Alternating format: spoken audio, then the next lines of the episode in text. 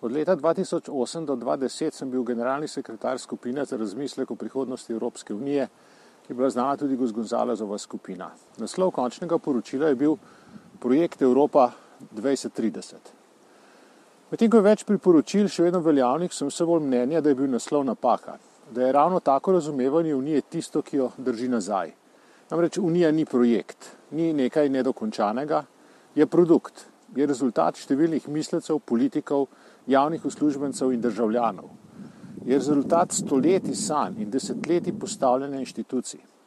Unija je urodje, ki ga je treba pragmatično uporabljati in državljani to potrebujejo. Ni nekaj, kar je treba nadgrajevati, obnavljati, reformirati, pa če politike in razumnike to še tako veseli.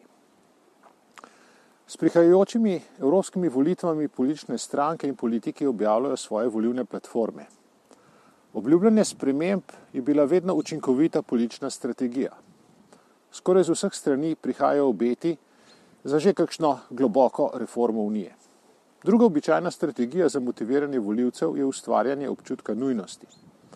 Reforma unije naj bi bila nujna, ker da ne deluje, ker imamo populizme, gospodarsko krizo, brexit, migracije. Pojasnil bom, da večina reform ni niti nujna, niti možna, niti razumna. Prva reforma je reforma, ki jo obetajo socialisti. Je v smeri pravičnejše, bolj socialne Evrope. Socialisti pravičnost razumejo kot enakost. Enakost pa je mogoče doseči samo s prerasporejanjem tega, kar se ustvari.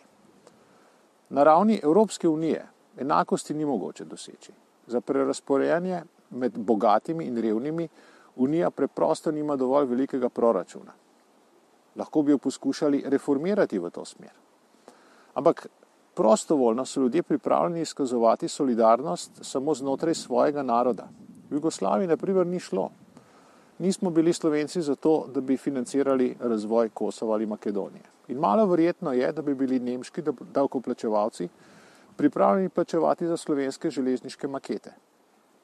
Takšne obljube samo ustvarjajo prazna pričakovanja, ki bodo, ko ne bodo izpolnjene, prispevala k razočaranjem z evropskim projektom. Druga možna razlaga bolj družbeno pravične Evrope je, da Unija naroči državam članicam, kako naj bodo bolj, rekovaju, pravične, kako naj prerasporejo med bogatimi in revnimi. Ampak prvič, nima te pristojnosti in drugič, ali res mislite, da v Bruslju to vedno bolje funkcionira kot naprimer v Lizboni ali v Ljubljani in bi bilo neumno, da bi se glede tega poenotile. Moč Evrope je bila vedno raznolikost in priložnost, da različne države iščejo rešitve v različnih smereh. Potem smo se hitro naučili drug od drugega. Inovativnost na področju socialnega modela bo pomembna zaradi sprememb na trgu dela, ki jih povzroča tehnološka revolucija, umetna inteligenca, robotizacija, nove oblike zaposlovanja in tako naprej. Zato je pomembno, da Evropa v zvezi s tem ostane inovativna. Skratka, bolj družbeno pravična Evropa so pretežno prazne obljube, s katerimi se poskuša pridobiti voljivce, ki naj bi jim Evropa dala v, evro, v žep kak evro. Ne bojim. Napredni liberalci, torej Macron, Alde in podobni, zagovarjajo reforme, ki vodijo k vedno tesnejši uniji, k združenim državam Evrope, k zvezi evropskih socialističnih, no, zvezi evropskih demokratičnih republik. Vedno tesnejša unija ima zagovornike pri uradništvu in sploh vseh, ki so bili dolgo v Bruslu. To je prototip ideje, da je Evropa projekt. Projekt, da je nedokončan, dokler ne bo evropske super države. Taka država je mogoča, vendar ni mogoče, da bi bila demokratična. In razlog je preprost. Demokracija predpostavlja obstoj demosa, demokracija, ljudstva. Evropski demos ne obstaja. Obstajajo ne demosi, ampak demoji, demosi v množini. Obstajajo Nemci, Francozi, Slovaki, Katalonci in tako naprej. Demos ni intelektualni konstrukt, ki bi ga lahko ustvarili za dobrim PR iz Brusla ali s pametnimi kolumnami in razmisleki. Gre za občutek pripadnosti. Po podatkih Eurobarometra se evropejci s svojimi narodi identificirajo za velikostni red močneje kot za Unijo. Morda bo kaj drugače, bo pa potrebnih še veliko Erasmus štipendij in mešanih zakonov, da bi se kaj od tega spremenilo. Monolitna Evropa tudi ni evropska. Ni važno, ali evropski konkurenti, kot je Kitajska, postajajo močnejši. Kitajska je bila vedno centralizirana v imperij. Evropska moč in njena raznolikost dejansko so bila obdobje najhitrejšega napredka, ko so si evropski subjekti konkurirali med seboj, naprimer rivalstvo med antičnimi grškimi državicami, med mesti renesančne Italije, med mesti Hanzeatske lige, med kraljestvi na Atlantiku, ki tekmujejo za kolonije. Ko je izgledalo, da bi katoliška crkva ustvarila enotno avtoriteto nad celino, je prišlo do Lutrove reformacije. Ko se gospod Macron v svoji viziji projekta Evropa zauzema za renesanso Evrope, nekako pozabi, ne, ko ima številne ideje, kako bi več pristojnosti in številne nove agencije zbral v Bruslu, pozabi, da je bila renesansa te, rezultat tekmovanja med italijanskimi mestnimi državicami in ne projekt voden iz Rima ali iz Milana. Na skrajni desnici so na evropski nivo naredili, naredili copy-paste idej, da so nacionalne države države svojih narodov. In se je to skopiralo v idejo, da je Evropska unija unija narodov, ki v njej živijo. Predvsej podobno, kot je bila Avstro-Ogarska država narodov, ki so v njej živeli, ali pa Jugoslavija država narodov, ki so v njej živeli.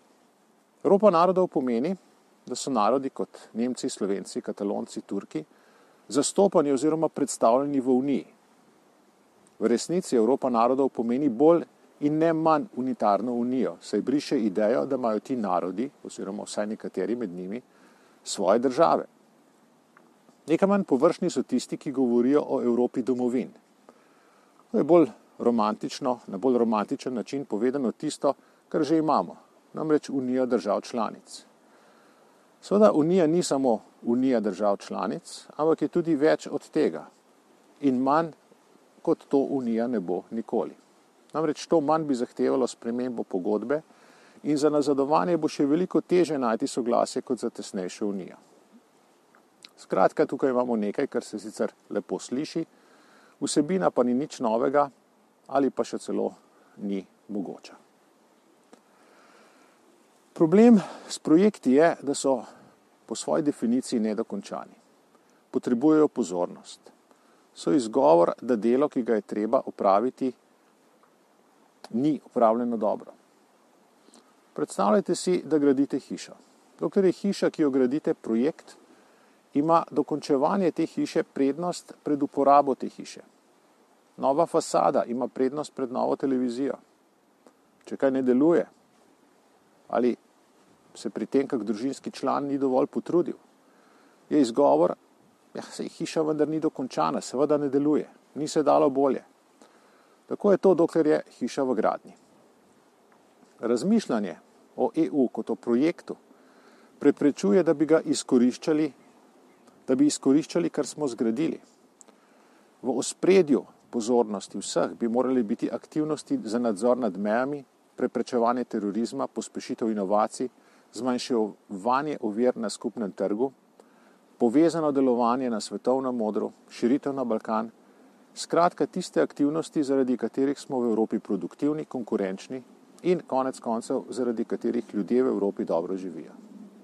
Namesto tega se vsem, od uradništva do politikov, do kandidatov za politične funkcije, zdi bolj plemenito in samo pomembno, da govorijo o renesansah in o podobnih visokoletečih načrtih.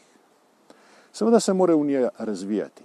Svet se spreminja in terja evolucijo od vseh na tistem modru.